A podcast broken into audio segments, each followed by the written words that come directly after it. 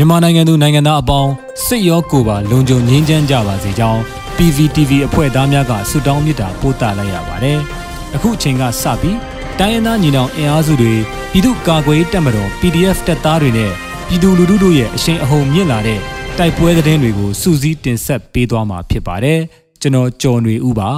။ပထမဆုံးတင်ဆက်မှာကတော့လေးကေကော်မြို့သစ်မှာစစ်ကောင်စီတပ်နဲ့ KNL PDF ပူးပေါင်းတပ်များတိုက်ပွဲပြင်းထန်နေတဲ့သတင်းပါ။ အကြမ်းဖက်စစ်ကောင်စီများရဲ့နေမြေကျူးကျော်ဝင်ရောက်လာမှုကြောင့်တိုက်ပွဲများဖြစ်ပွားနေခဲ့ပြီးမြို့ကန်များထွက်ပြေးတိမ်းရှောင်ခဲ့ရတဲ့ 4K ကောမြို့သစ်ကိုဒီဇင်ဘာလ19ရက်နေ့မှာ KNL ကပြန်လည်ထိန်းချုပ်ထားနိုင်ပြီဖြစ်တော်လဲယနေ့တိုက်ပွဲပြင်းထန်လျက်ရှိကြောင်း KNL သတင်းရင်းမြစ်ထံမှသိရှိရပါတယ်။ 4K ကောမြို့သစ်ကိုစီရေးအရထိန်းချုပ်နိုင်ခဲ့ပြီးဖြစ်တော်လဲမြစ်တာလေးမြိုင်နဲ့ကြောက်လုံးကြီးရှိစစ်ကောင်စီစခန်းများမှလက်နက်ကြီးများနဲ့ပစ်ခတ်မှုများပြုလုပ်နေခြင်းကြောင့်ပြည်သူလူထုများအနေနဲ့မြို့တွင်းသို့ပြန်လည်နေထိုင်ရန်မသင့်သေးကြောင်း ယနေ့နနက်ပိုင်းမှာနှစ်ဖက်တိုက်ပွဲအပြင်းထန်ဖြစ်ပွားနေကြောင်း KNL သတင်းရင်းမြစ်ကပြောတာပါ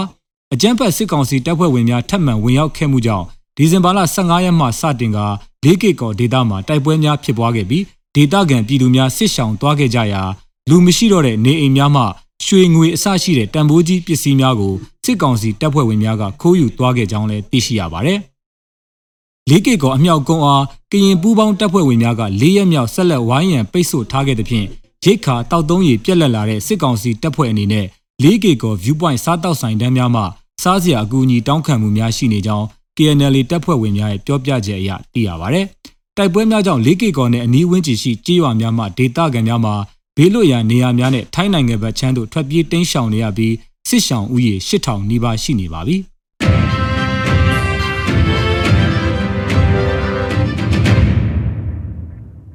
ဆက်လက်ပြီး ချင်းတွင်းမြစ်အတွင်းစုံဆင်းလာတဲ့စစ်ကောင်စီရေရင်များကိုရင်းမပင်မြို့နယ်အတွင်းပြည်သူ့ကာကွယ်တပ်ဖွဲ့များပစ်ခတ်တိုက်ခိုက်တဲ့တဲ့ရင်ကိုတင်ဆက်မှာပါ။ကြောက်စိမ်းများတင်ဆောင်လာတဲ့အကြမ်းဖက်စစ်ကောင်စီရဲ့ရေရင်အုပ်စုဟာချင်းတွင်းမြစ်အတွင်းစုံဆင်းလာရာယမနေ့ဒီဇင်ဘာလ18ရက်နေ့မှာရင်းမပင်မြို့နယ်အတွင်းရောက်ရှိလာပြီးရင်းမပင် PDF နဲ့မဟာမိတ်အဖွဲ့များကပူးပေါင်းပစ်ခတ်တိုက်ခိုက်ကြတာပါ။တိုက်ခိုက်မှုကြောင့်စစ်ကောင်စီရေရင်ပျက်စီးမှုနဲ့တေဆုံးစင်းအားလက်တလုံးမသိရှိရသေးပါဘူး။ အဆိုပါရေရင်အုပ်စုကိုမင်းကင်းကဏီမြို့နယ်များအတွင်းပြည်သူ့ကာကွယ်တပ်ဖွဲ့များကမိုင်းများလက်နက်ကြီးများနဲ့ပစ်ခတ်တိုက်ခိုက်ခဲ့ပြီးအ ਨੇ ဆုံးရေရင်၃စီးမီးလောင်ပျက်စီးကစစ်သားအများအပြားတေဆုံးခဲ့တယ်လို့ဆိုပါတယ်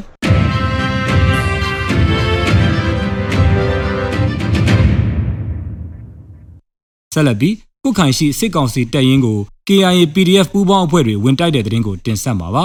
ရှမ်းပြည်နယ်မြောက်ပိုင်းကုခိုင်မြို့အဝင်ရက်ကွက်တစ်ရှိအကြမ်းဖက်စစ်ကောင်စီတပ်ကို ယနေ့ဒီဇင်ဘာလ18ရက်ည9:00နာရီဝန်းကျင်မှာ KIA နဲ့ PDF ပူးပေါင်းအဖွဲ့ကလာရောက်ပစ်ခတ်ခဲ့ပြီးလက်ရှိအချိန်ထိစစ်ကောင်စီကလက်နက်ကြီးများနဲ့ရန်တမ်းပစ်ခတ်နေကြောင်းသတင်းရရှိပါရယ်။ပစ်ခတ်မှုကြောင့်မြို့အဝင်တိုးဂိတ်မှာတပ်ဆွဲထားတဲ့စစ်သားတချို့တေဆုံးသွားတယ်လို့မျက်မြင်တချို့ကအတည်ပြုပါရယ်။ကုခိုင်ဗျူဟာကုန်းကိုလည်းပစ်ခတ်တိုက်ခိုက်ခဲ့ပြီးအထိကိုက်ကိုတော့မသိရသေးပါဘူး။လက်ရှိအချိန်မှာကချင်၊ကယား၊ကရင်နီ၊ကရင်ချင်းရှမ်းစတဲ့ပြည်နယ်များမှာအကြမ်းဖက်စစ်ကောင်စီတပ်နဲ့တိုင်းရင်းသားတပ်ဖွဲ့များကြား တိုက်ပွဲများဖြစ်ပွားနေတယ်လို့ပြည်မမှာလည်းဒေသခံကာကွယ်ရေးတပ်ဖွဲ့များကစစ်ကောင်စီတပ်ကိုမိုင်းဆွဲတိုက်ခိုက်ခြင်းပျောက်ကြားတိုက်ခိုက်ခြင်းများကြောင့်တိုက်ပွဲများနေရာအနှံ့ဖြစ်ပွားနေပါတယ်